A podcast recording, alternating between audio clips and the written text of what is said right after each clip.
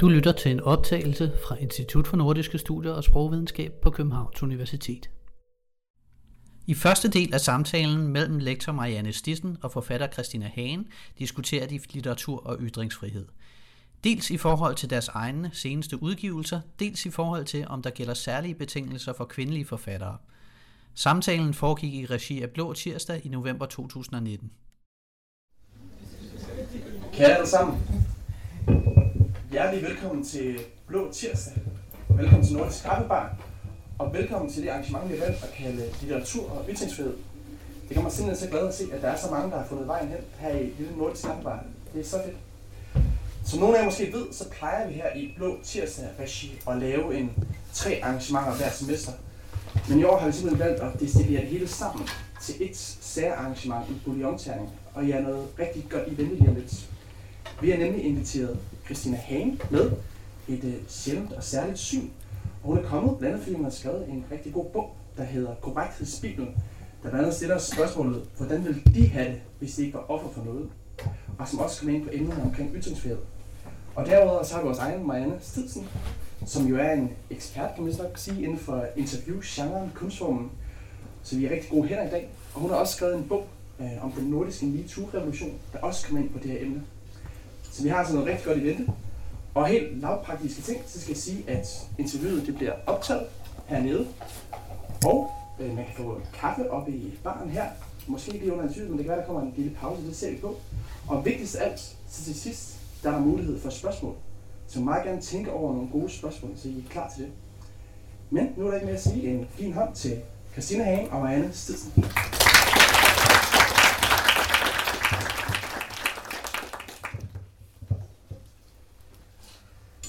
Sex, religion og politik trykker ubetinget på censurdommernes ømmeste tær.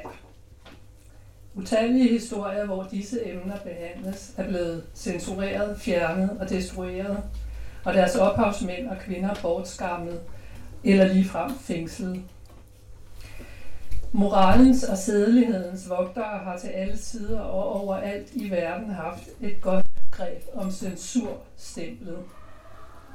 Det samme har de totalitære regimers ledere og beskyttere. Sådan her skriver øh, Dansk Pen i annonceteksten til deres øh, nylige arrangement i forbindelse med Kulturnatten i København. Øh, og PEN er, skal det siges, en verdensomspændende organisation, der igennem 100 år har kæmpet for skribenters ret til det frie ord og den frie tanke. Men er censur og forsøg på indskrænkning af ytringsfriheden både i og uden for litteraturen ikke bare noget, der foregår langt tilbage i tiden øh, og i fjerne verdensdele? Og er det overhovedet vigtigt med den ytringsfrihed? Det er nogle af de ting, vi skal diskutere ved det her blå tirsdags arrangement. Allerførst tak til dig, Christina Hagen, fordi du ville øh, tage en tur over bæltet. Det er du jo ellers ikke så glad for, men det har du så alligevel lavet dig overtale til, og tak for det. Vi skal høre, dels høre dig læse op fra nogle af dine værker, øh, og dels så skal vi to samtale om øh, litteratur og ytringsfrihed, og om hvilke udfordringer den litterære ytringsfrihed måske står overfor i dag. Hvad vil det overhovedet sige at have ytringsfrihed? Hvordan kan, øh, skråstreg skal, litteraturen gøre brug af den? Har vi behov for at gentænke denne ytringsfrihed i lyset af alle de ting, der sker i dag inden for det politiske og kulturelle område, for eksempel når det gælder identitetspolitik? Og hvad kan prisen eventuelt være for, ikke mindst som kvinde, at insistere på ytringsfrihedens nødvendighed? Det er noget af det, vi skal tale om. Men før vi går i gang med det, så synes jeg, at vi skal have en smagsprøve øh, på et af dine litterære værker, der netop er blevet besunget eller udskammet for at gå til kanten af ytringsfriheden. Du har valgt at starte med at læse et stykke op fra den bog, der hedder Boyfriend, uden E, stavet uden E. Og øh, vil du først starte med at sige lidt om, hvad den bog handler om, Christina? Øh, Ja, altså jeg vil sige, det her, det er en bog fra, jeg kan faktisk ikke huske, når det var, i 2014, hvor det egentlig stadig gik godt for mit forfatterskab. hvor jeg stadig til dels opførte mig ordentligt, egentlig ikke fordi jeg tænkte, at det skulle jeg, men fordi det var bare... Jeg tror ikke rigtig, at jeg havde fundet ud af på det tidspunkt, hvad det var, der gjorde folk sure, sådan for alvor. Men efterhånden, som jeg fik pejlet mig ind på det, kunne jeg ligesom ikke lade være med at lave andet end det. Det er ligesom om, når man finder ud af, hvor det gør ondt, så kan man kun finde ud af at trykke lige, lige der, og så er det, det går galt. Men øh, her opførte jeg mig endnu ordentligt og øh, skrev en nuttet bog om en kvinde, der føler sig undertrykt, fordi hun er i et forhold med en mand, der ligesom, der kurer hende. Og hun taler med den her øh, lille pige stemme, altså offerstemme kan man sige. Øhm, altså hun er et forhold med en mand, som, øh, som dominerer hende, og hun efterhånden som tiden går, føler hun mere og mere, at hun ser verden med hans øjne. Hun mister sin, øh, øh, sin egen evne til at tage stilling til ting. Hun, hun mister evnen til at øh, smage, om noget smager godt. Hun mister evnen til at finde ud af, hvad hun synes om, øh, om det ene og det andet. Hun bliver til sidst boyfriend. Øhm, og for at fuldende det, så tager hun på sådan en prostitutionsturné i Thailand. Og øh, klipper luder, havde han sagt, eller i hvert fald har noget med kvindelige luder at gøre og mandlige luder at gøre, for ligesom at være boyfriend til sidst. Hun ville opsluge sig ham, hun vil blive ham. Øhm, og grunden til, at jeg starter med at læse den op, det er jo netop fordi, det er den her, øhm, den her lille pigestemme, offerstemme, som, som egentlig går ret godt igennem øh, i forhold til det her emne. Altså, det er sådan noget, man ser på med meget milde øjne. Det er faktisk noget, man kan blive øh, ret populær at skrive. ved at sige, jeg vandt også Montanas litteraturpris på den, ikke? Øhm, men sådan set i bagspejlet tænker jeg, at øh, altså, det var det, jeg skrev på det tidspunkt, fordi jeg selv var optaget af det her emne. Men hvor jeg godt kan tænke, at der er udkommet rigtig mange bøger siden, som også taler med sådan en offerstemme, og som måske gør det lidt nemt at blive anerkendt. Og, altså der, jeg ved ikke, jeg synes, jeg synes at øh, det er ret let at få gode anmeldelser, og blive populær, og blive, øh, ja, og folk synes, man er meget nuttet, når man skriver med den her offerstemme, så det har jeg fået sådan lidt, øh, fået det lidt svært med sidenhen, vil jeg sige. Men mens det endnu gik godt, var det altså den her bog. Så nu læser jeg bare op. Boyfriend talks to me as if I was a slave. He says, eat. He says, love your chain. Boyfriend says, Do not see yourself as a prisoner in my house. Boyfriend offers me money. He tells me to go buy a smile. It seems that I'm always afraid of forgetting boyfriend, that he exists. It's one of my biggest fears to wake up 30 years from now and find out that I forgot to call boyfriend. At this time, I will be with another man. I'll have to leave this man and travel for a very long time to try and find boyfriend. To tell him that I'm very sorry that I forgot to call, that I forgot to take his calls, that I forgot to read my emails, that I did not see him when he rang the doorbell and I opened the door and he stood there and I thought he was just air. boyfriend sees me as a child. I think there is something wrong with that. It's like he's trying to protect me from getting raped. It's like he's trying to protect me from sunlight and getting spoiled by someone with too many gifts. Boyfriend does something with his face when he listens to what I'm saying, as if I told him about imaginary things. I wonder if he would like me more if I learned how to arrange the towels in our bathroom in a much better way. If I let him wear my clothes and not get disturbed by it more often. det var vist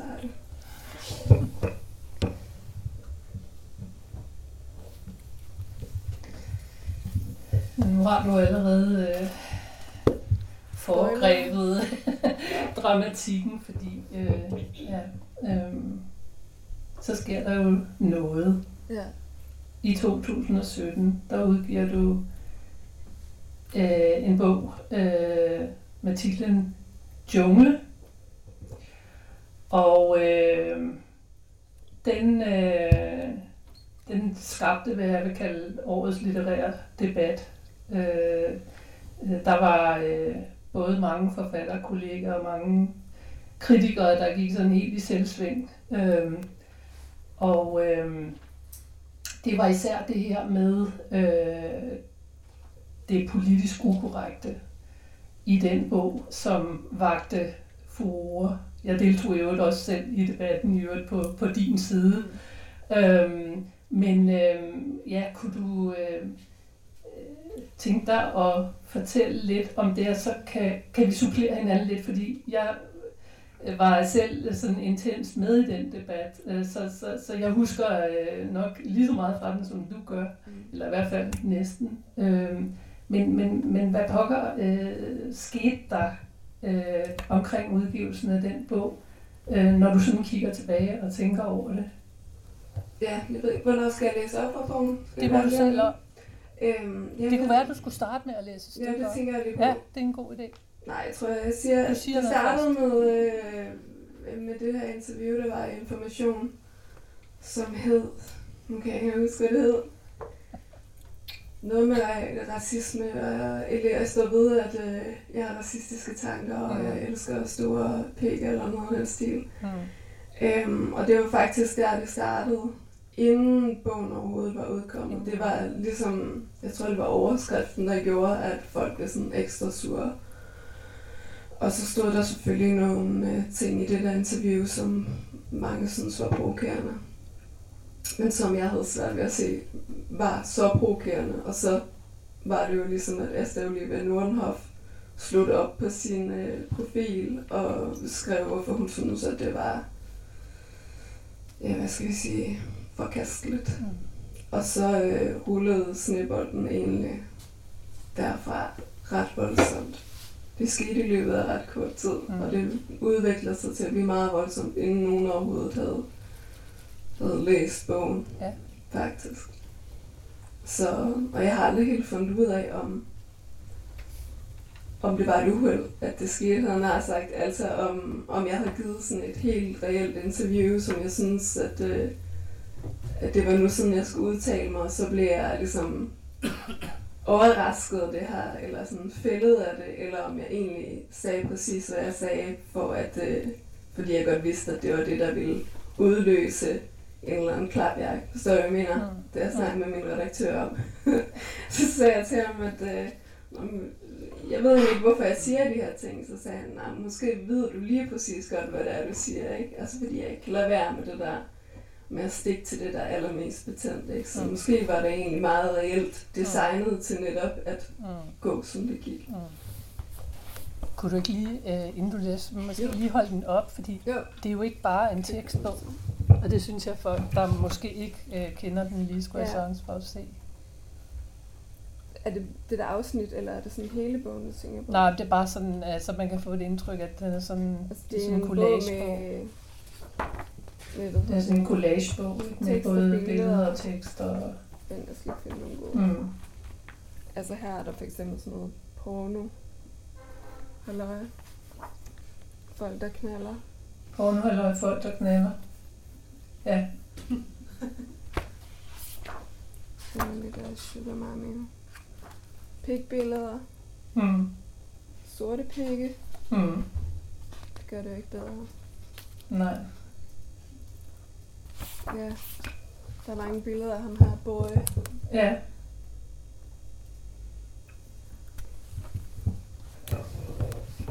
Ja, men det var særligt det her afsnit, der hed øh, Sugar Mommy, der var, var lavet om. Fordi øh, nogle øh, mente, at det var mig selv, der havde skrevet om, tror jeg nok. Jeg fandt aldrig helt ud af, hvad, hvad det var, det gik ud på, sådan helt præcis. Men, men jeg følte, at vi var inde i en periode, hvor stort set alle forfattere skrev om deres eget liv, altså autofiktion. Og dermed læste man også øh, min bog som, som ud af den her tradition. Øhm, og det skulle så være et afsnit, jeg havde skrevet om min egen elsker, tror jeg. Det var det, folk tænkte. Der var, der var faktisk en af mine, mine ret gode bekendte for nogle måneder siden, der sagde til mig, sådan, vi lavede et andet program om ham, så sagde han sådan, Nå, du har da også været i Karibien og, og købt prostituerede, sagde han, så sagde han, Nå, har det? Jamen ja, det havde det. Altså sådan, selv folk, der er tæt på mig, tror stadigvæk, at, øh, at det, jeg skriver i mine bøger, det, det er det, jeg gør. Jeg køber da, jeg køber da mandeluder. Det er det, jeg gør. Det er sådan ret sjovt. Han er så stolt af sin pik. Vi kan tale om den i timevis, og vi kan se, hvad den kan sammen. Vi behøver ikke noget fjernsyn. Det kan ikke siges nok, at det han har, det har de andre ikke haft. Der kan ikke kæles nok for stangen, som må hjælpes lidt op, grundet tyngden. It's very important to have a large penis. The woman loves it. Kentucky Fried Chicken er god klippemad. Vi må godt bøvse lidt imens. Vi har det med at spille lidt på vores bluser og pisse lidt på sengen. Det er svært at sige, hvornår vi kommer ud af den seng. Der er vel nogen, der skal ringe efter os. Der er vel nogen, der skal sætte os i sving. Vi er i slaveland nu. Vi er nødt til at vente på, at nogle white money holders får os i omdrejninger. Det er hans måde at ville gennemskue omfanget af rigdommen på, som var han bankrådgiver eller pandefode. Hvad kan dine solbriller sælges for? Spiser du oksekød hver dag? Det må være dyrt at rejse så meget. Det er det, at en ring med lethed kan veksles til penge, og det at hvide mennesker arbejder for lidt. Hvad du dog ikke kunne slæbe med de hvide hænder, hvor godt den hvide røv dog ikke ville se ud, skudt i vejret, hænderne foderne, hønsene, hænderne polishing the floors, hænderne cleaning the sheets and the shirts. Der er en vis uhygge over det, at regnemaskinen skal i gang, og vores respektive valutaer skal tastes ind og ganges. Det er det, at han kan stikke mig ned, mens jeg sover og rende med mit pas og sælge det henne på markedet til en pris, der er så høj, at han kan købe sig den brugte Toyota med lad, han vil have, han bare vil have, så han kan køre varer ud for sin mor hjemme i Westmoreland. Han kunne snitte mig op for en sæk kartofler eller en drink på Rick's om lørdagen, hvor svenske piger holder af at fnise, mens de fotograferer udspringerne og hinanden og børster deres lange glatte hår. Tak, Gud. Øhm, jeg tænkte på, at vi skulle tale lidt om øhm, det her med øh, at skrive noget og sige noget, som bare ikke lige er det, folk har lyst til at høre lige nu. Altså, vi kan jo også godt sige, at øh, i de sidste, øh, ja, hvad skal vi sige, 5-10 år eller sådan noget, øh, der har øh, dansk samtidslitteratur været meget sådan orienteret mod det politiske. Altså, at man skulle være øh, øh, kritisk over for altså, øh, øh, den vestlige verden øh, og over for øh, mænd og alle mulige ting. Og, øh, og i det lys, og klimaet som det seneste, ikke, skal vi være bekymrede over. Og i det lys, øh, øh, så er det jo vildt øh, ligesom provokerende at øh, skrive inden fra, fra det blik, du gør her, som selvfølgelig er et litterært blik, men, men alligevel jo med en, en meget sådan stærk autenticitet, når man hører det. Øhm, så talte du lidt om det der med, at måske kan du bare ikke lade være. Ja. Jeg tror, jeg har lidt på samme måde. Ja, jeg jo, vi deler jo ligesom nogle erfaringer. Jeg har også prøvet at, at blive øh, tæsket løs på, fordi jeg ikke lige sagde det, man havde lyst til at høre. Øh, og, øh, og jeg tænkte, at, at det måske var okay, når vi nu sidder her og er så vant til at blive øh, angrebet øh, for at sige det forkerte, og så fortælle lidt øh, indenfra, øh, hvordan det egentlig, hvor, hvorfor vi gør det, vi gør. Hvorfor vi presser ytringsfriheden til grænsen, som vi gør. Hvad, hvad er formålet med det? Øh, og øh, hvorfor er det vigtigt? Hvorfor kan du ikke lade være? Øhm, jamen, det, jeg synes faktisk, det er svært at svare på. Hvorfor kan jeg ikke lade være? Fordi øhm, det bliver sådan et, det bliver sådan et personligt svar, tror jeg, hvorfor jeg ikke kan lade være. Men, ja, hvad skal jeg lige starte med at sige først? Altså jeg vil sige, at de senere år er, er blevet tvivl, og det har jeg sagt om, er jeg blevet tvivl om, om det er værd at kæmpe for. Altså fordi en ting er, hvad jeg selv synes er vigtigt, og det, det kan jeg godt forklare senere, hvorfor det er, jeg synes, det er vigtigt med, med ytringsfrihed. Men på den anden side kan jeg også godt blive i tvivl, fordi jeg er 39 år gammel, bliver snart 40 år. Øhm, og så tænker jeg, hvem er det, der skal bestemme, hvordan fremtiden skal se ud? Altså, er det mig, der, der snart er 40 år, der skal bestemme det? Eller er det de unge, der må have lov til at designe fremtiden, som de jo skal leve i? Ikke? Og det kan jeg godt nogle gange tænke, at det er ikke mig, der skal bestemme, hvordan fremtiden ser ud. Det, det er dem, der er unge nu. Men når man så alligevel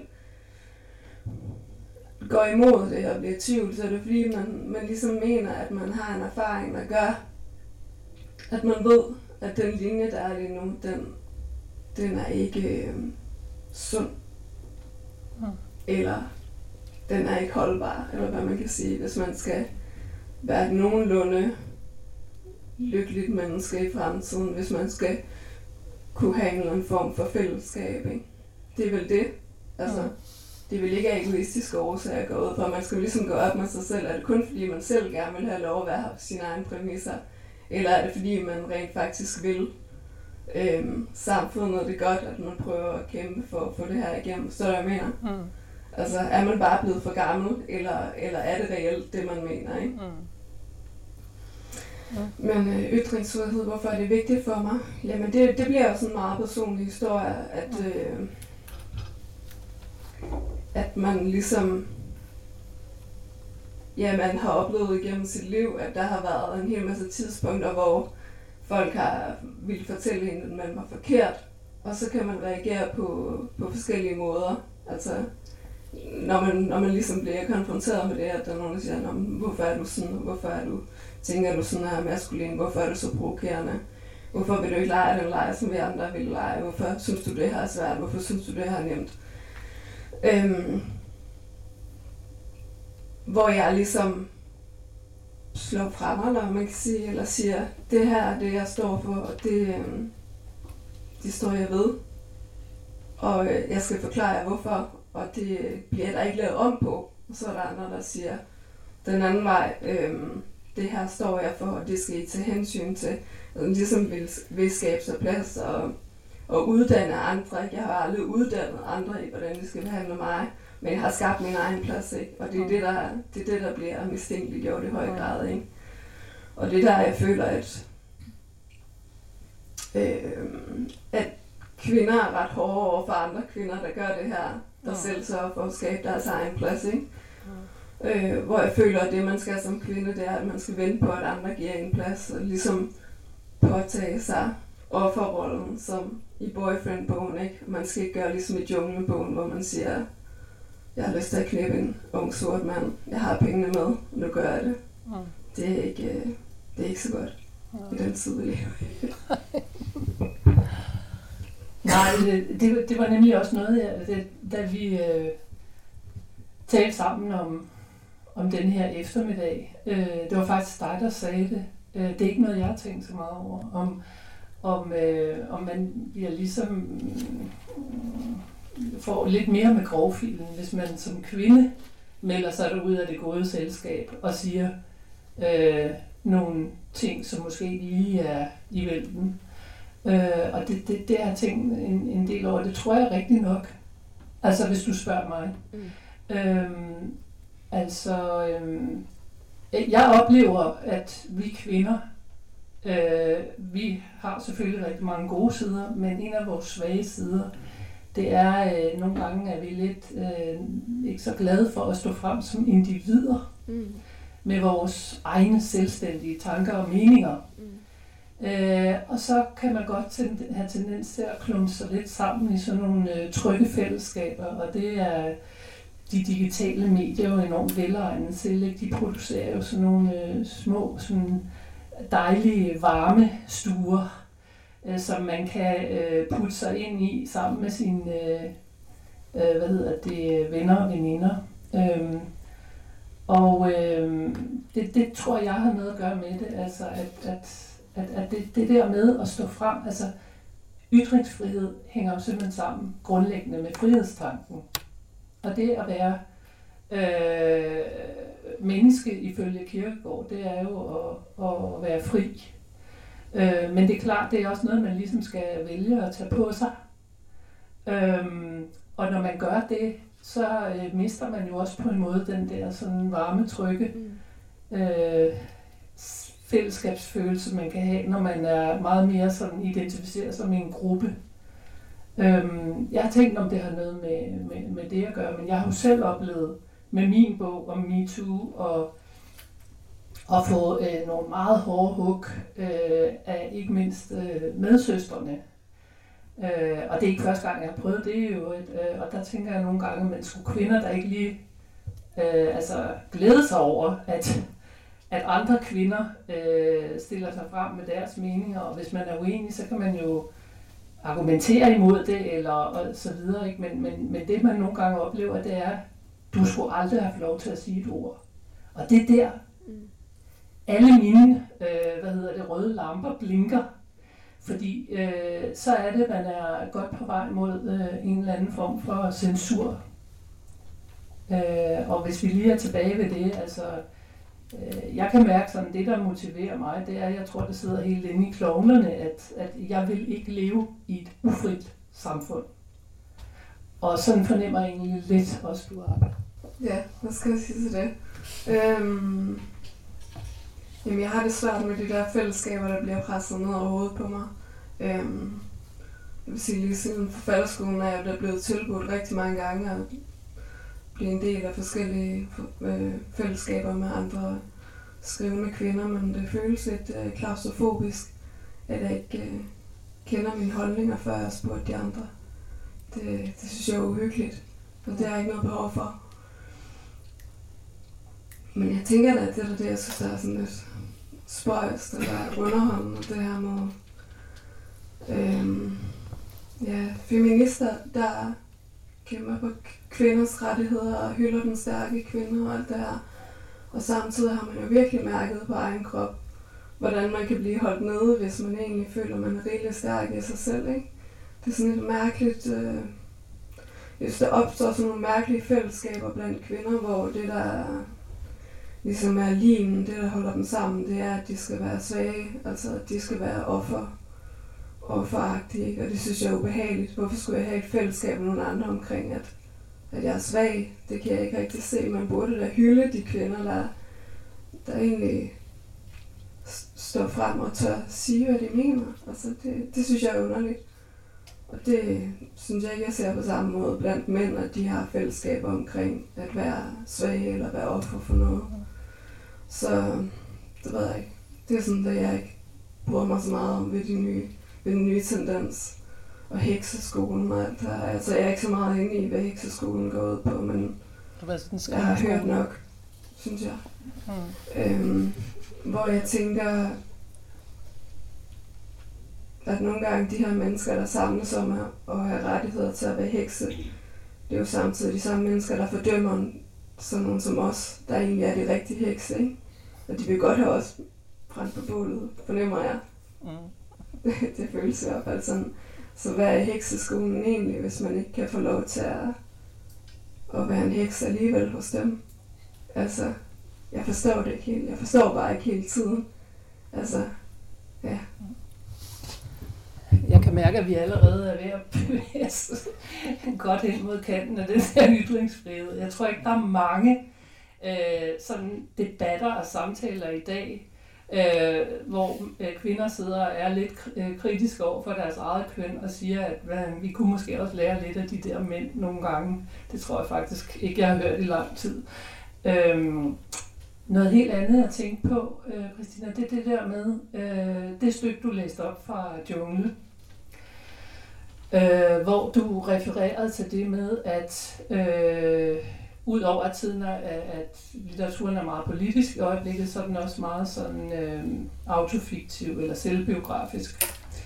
Øh, sådan så man læser meget sådan en til en. Når der står noget i en bog, øh, så bliver det direkte overført øh, sat til det, øh, mener forfatteren, eller det har forfatteren oplevet. Mm. Øhm, og øh, ja, jeg tænker lidt på, jeg er jo ret optaget af, at kunsten skal have lov at være sit eget rum. Det fornemmer jeg egentlig også, du er. Ja. Og jeg kan godt mærke, også den første tekst i Jungle, at du vil ligesom gerne markere, at øh, nu har jeg lavet den her junglebog.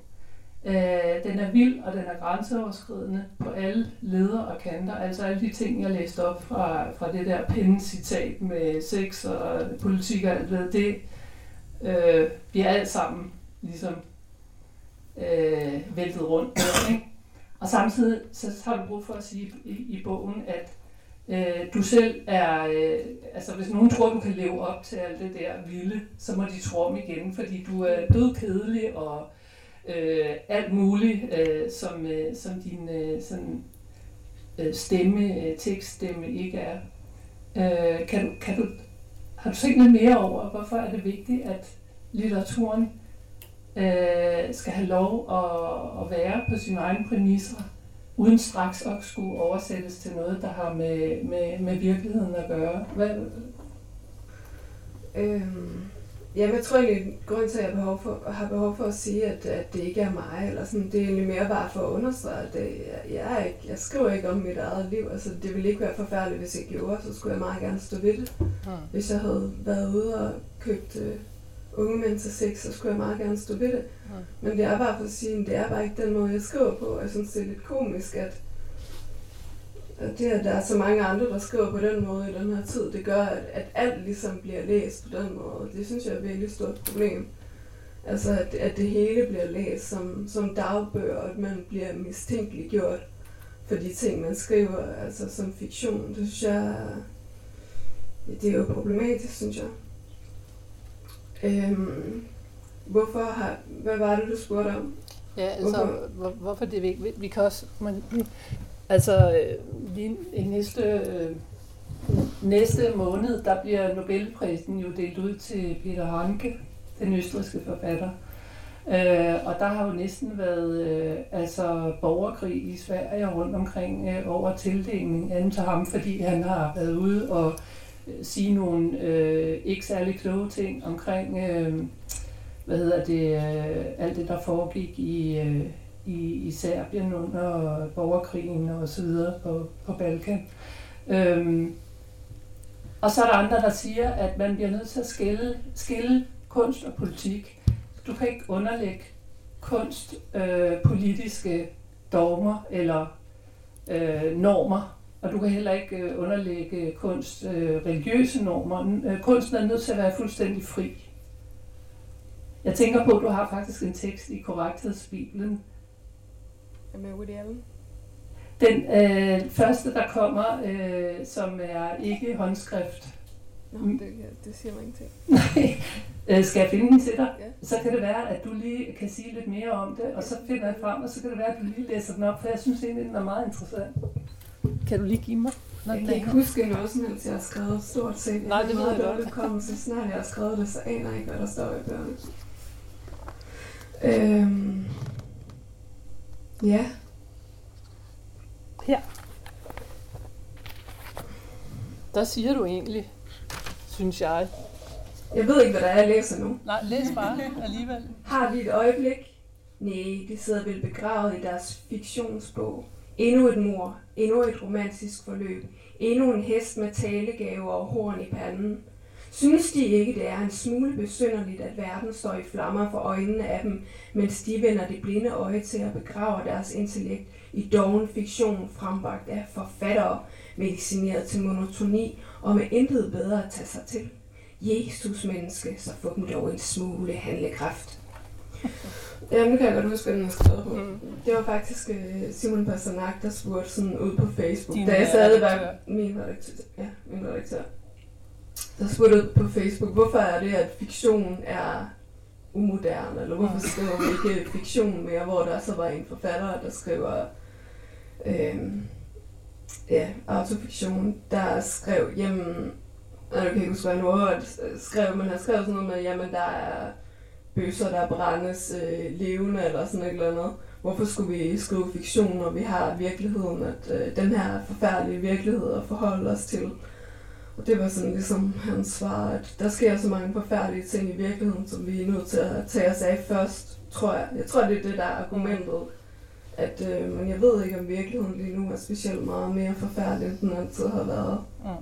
Det, det er ikke mit indtryk. Øhm, jeg savner fiktion. Jeg keder mig enormt meget med folks øh, traumer og sygdomme og diagnoser og forfærdelige liv. Altså, det gør jeg virkelig, men jeg tror, der er ret mange andre, der ikke keder sig med det. Altså, jeg hører ret mange, der siger, at de gider kun at læse bøger, der handler om folks eget liv, fordi så føler de, det er mere, de kan bruge det sådan noget. Men for mig bliver det sådan lidt, og det bliver meget det samme som at se Paradise Hotel, eller mig og min mor, eller sådan noget, eller hvad de hedder i, lige for tiden. Kardashians måske, ikke? Ja. Øhm, jeg synes ikke, det giver mig så meget, det der en-til-en forhold. Jeg føler, det bliver brugt lidt som man bruger porno på en eller anden måde. Det bliver sådan en og smager på andres forfærdelige liv for at have det lidt bedre selv, tænker jeg. Jeg forstår ikke rigtig hvad funktionen af det, altså. Jeg, jeg føler, det er lidt ulækkert. Jeg synes, det er lidt ulækkert. Altså ligesom, at folk står i kø for at, at udlevere deres liv. Og så kan andre lappe de sig på den der se og høre måde. Ikke? Så skal man lægge bogen fra sig, og så tager vi fat på en ny, Mm. et nyt forfærdeligt liv i næste måned. Ikke? Og det bliver sådan en mærkelig, mærkelig forbrug af, af skæbner. Altså samtidig med, at jeg også tænker på de der forfattere, men det må det jo så selv om, men jeg tænker på de der forfattere, der, der rent faktisk øh, flår huden af sig selv og bare står og blaffer med kødet og bliver fotograferet af, af avisernes fotografer og bliver skrevet om osv. Hvad, hvad sker der med sådan et menneske, der udleverer sig selv i alle de her bøger? Hvad, hvad bliver man for et menneske, når man er blevet udstillet udstillet og udstillet, og folk til sidst er trætte af at høre ens historie? Ikke? Hvad har man så tilbage? Mm. Jeg synes ikke, øh, det er i hvert fald ikke min funktion som, som forfatter. Jeg har da også mange traumer, jeg kunne udstille, hvis jeg virkelig ville. Det er da ikke, altså, bare fordi man ikke gør det, betyder det ikke, at man har levet et eller andet perfekt liv. Øhm, men det kan man jo bruge på alle mulige måder, synes jeg. Man kan jo bruge det til at sige noget mere end lige fortælle sin livshistorie en til en. Og det er jo bare en smagsdag. Det, det er ikke noget for mig. Man, man kunne næsten høre det på det, du læste op fra Korrekthedsbibelen, at det, det er jo en øh, hamrende ironisk bog. Mm. Og øh, da vi vandrede herud øh, i det skønne solskinsvejr, der gik vi og snakkede om lidt om det der med ironi. Og som jeg fortalte dig, så er jeg tilhører jo selv den her gamle 80'er-generation, som måtte gøre op med 70'ernes øh, politiske korrekthed. Og en, et af vores våben, det var blandt andet ironien. Så den kom altså til fuld udblæsning der i 80'erne og 90'erne. Og så er det som om, den er helt øh, forsvundet i dag, sådan fornemmer jeg det i hvert fald. Øh, til fordel fra, for måske sådan en lidt fladpandet øh, sprogforståelse, hvor alt læses sådan meget bogstaveligt en til en. Ikke? Mm. Øhm, øh, jeg, tæ- jeg tænkte på, om vi ikke skulle høre lidt mere fra Korrekthedsbibelen, og så snakke lidt om det her med, hvad, hvad er der blevet af ironien, og i det hele taget, altså øh, sprogets øh, flertydighed i den her sådan lidt fundamentalistiske øh, tid, vi lever i, også øh, sprogligt set. Jo, jeg læser lidt op. Jamen, det er nogle år siden, jeg fandt ud af det her med, at ironi, det er, det er noget, man ikke må. Mm. Men jeg, har- jeg har ikke helt forstået, hvorfor faktisk. Jeg, jeg ved ikke helt, hvad det er. Men ironi er også lidt banalt ord at bruge, synes jeg. Øh, om noget, som egentlig mere er... Ja, ironi, det lyder som om det er en vittighed, eller et eller andet. Det bliver opfattet som om det er en vittighed, når man siger, når man skriver ironisk. Men det er jo lige så meget bare at udstille det absurde i livet, eller absurd i en, i en måde at anskue livet på, eller det er absurd i et udsagn, eller sådan noget. Det synes jeg, der øh, giver meget god mening, at man sætter noget på spidsen. Altså, det er jo ikke en vittighed. bare fordi det er ironisk, synes jeg ikke. Det er jo, det er jo ikke sådan, at man ikke bør tage det alvorligt, bare fordi at det er ironisk. Jeg synes, det er sådan en underlig nedsætning af det der begreb. Men den her, den er, den er nok, hvad man kan kalde ironisk. Ja. Besynderligt, at de er bærer af gule klæder, når de ved, at farven gul symboliserer misundelse. Så er de vel også bizarner til at ringe på dørklokken hos fremmede og erklære, at de ikke under dem deres pelagoner eller plæneklipper. Benyt dem ikke af farven neongrøn, i det den kan virke hånende over for mennesker, som har fundet fred i troen på liv på andre planeter. Et hvert menneske har brug for at tro på noget, vel selv de. Må på et tidspunkt har ejet et par stramme jeans med zebraprint eller en trusse med leopardluk. De er det nok frastødende. Forestil dem zebraen på savannen, når de defilerer forbi på deres arrogante safariudflugt. Har de mærket livet som zebra på egen krop? Har de måttet støvsuge savannen for tørre kviste i den stegende hede? Nej, så kan det være, at de fremover skulle holde dem til deres Helly Hansen flis. De er racist, når de forventningsfuldt sætter tusinde kroner på araberhængsten, mens Shetlandsponyen rager dem en høstblomst. En tør, trådt hø af hvad de har til overs for den lavere stående race på en sommerdag, hvor de tilfældigvis føler den gavmild. Sidder de ofte med et godt glas vin og genkalder, genkalder dem gode minder fra gamle dage? Ærligt talt, synes de, det er rimeligt over for den gruppe af mennesker, som lider af demens? Hvad er det for en ondskabsfuld trang, de har til at dyrke en have, som andre grøntsagselskere er forment adgang til? Brænd deres minder, hvis det beskæftiger dem en smule med etik. Hvordan ville de have det, hvis nogen sagde, de havde dårlig ånde? Hvordan ville de have det, hvis der lå en masse støv under deres seng? Hvordan ville de have det, hvis de kom hjem fra ferie, og deres potteplanter var visne? Hvordan ville de have det, hvis der stod en glammende hund uden for deres soveværelsesvindue? Hvordan ville de have det, hvis de ingen ambitioner havde? Hvordan ville de have det, hvis de ikke kunne finde ud af at indstille kanalerne på deres nye tv? Hvordan ville de have det, hvis de led af voldsom skedesvamp op til en weekend? Hvordan ville de have det, hvis de fandt deres ægtefælle uinspirerende? Hvordan ville de have det, hvis de aldrig havde hørt en gø? Hvordan ville de have det, hvis folk sagde, at de så træt ud, selvom de var frisk som en havørn? Hvordan ville de have det, hvis de havde mistet deres race sok i en vask? Hvordan ville de have det, hvis alle deres kuglepinde var udtørret? Hvordan ville de have det, hvis de var forelsket i en fra deres arbejdsplads? Hvordan ville de have det, hvis de led af høfeber, og man tvang dem til udendørsfestival? Hvordan ville de have det, hvis de havde fået en dødsdom?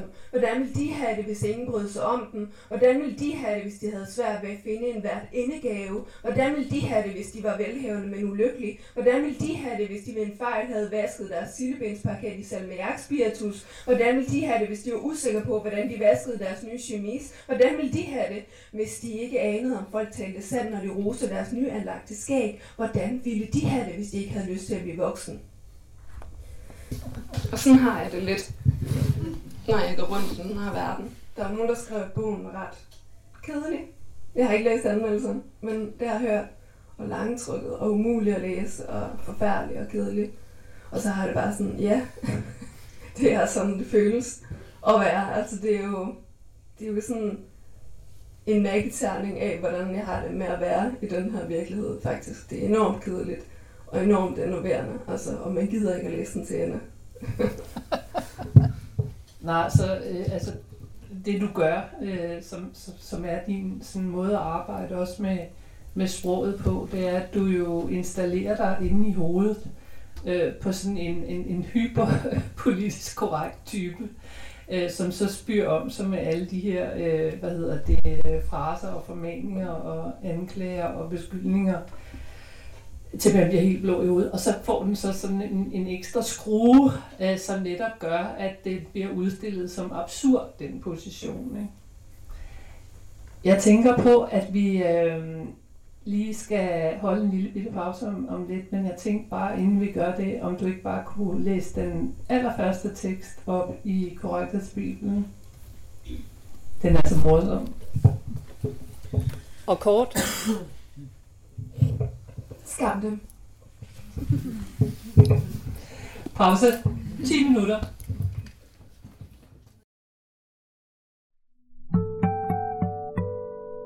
Du har lyttet til Lyd fra Nords.